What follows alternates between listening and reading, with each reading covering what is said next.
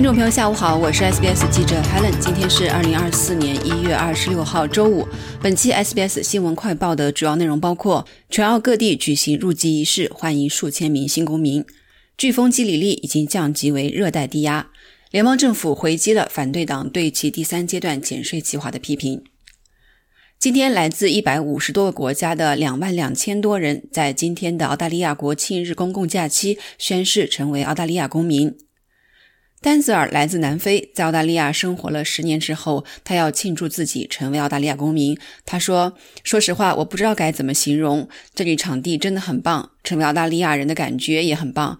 所以虽然花点时间，但我的意思是我在这里度过了大半生，所以老实说，我感觉很自然。”十四年前持工作签证来到澳大利亚的阿尔玛，今天和妻子与两名孩子一起庆祝成为澳大利亚公民。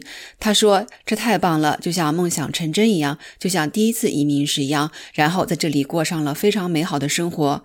我为家人和孩子们感到高兴。我们将在澳大利亚过上美好的生活。”飓风基里利已经降级为热带低压，但昆士兰州州长警告说，威胁尚未结束。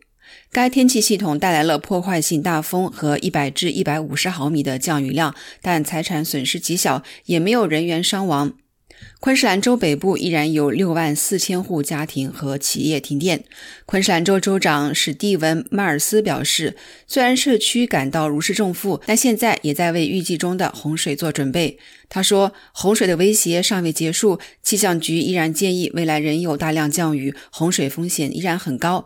因此，我们尚未脱离险境。我们将继续努力做好准备，为昆士兰州的社区提供支持。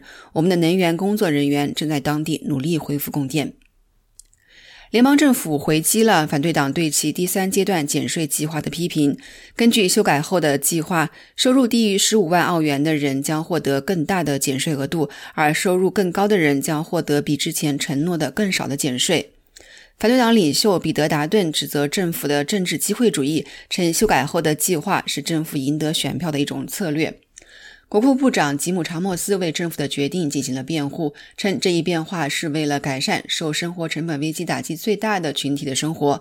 他说：“自由党和国家党不希望澳大利亚中产阶级在生活费用方面获得更多帮助，这简直令人难以置信。这表明彼得·达顿以及自由党和国家党是多么的脱离现实。这与政治无关，这关乎人民。”对第三阶段减税措施的修改，需要在绿党和中立议员的支持下通过议会，随后才能在七月生效。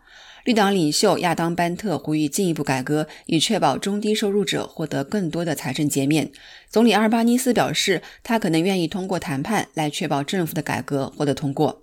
好了，感谢收听本期的 SBS 新闻快报，我是记者 Helen。欢迎您在苹果播客或 Spotify 搜索“新闻快报”，点击订阅，开启消息提醒，即可了解澳洲国内外新闻及社区信息。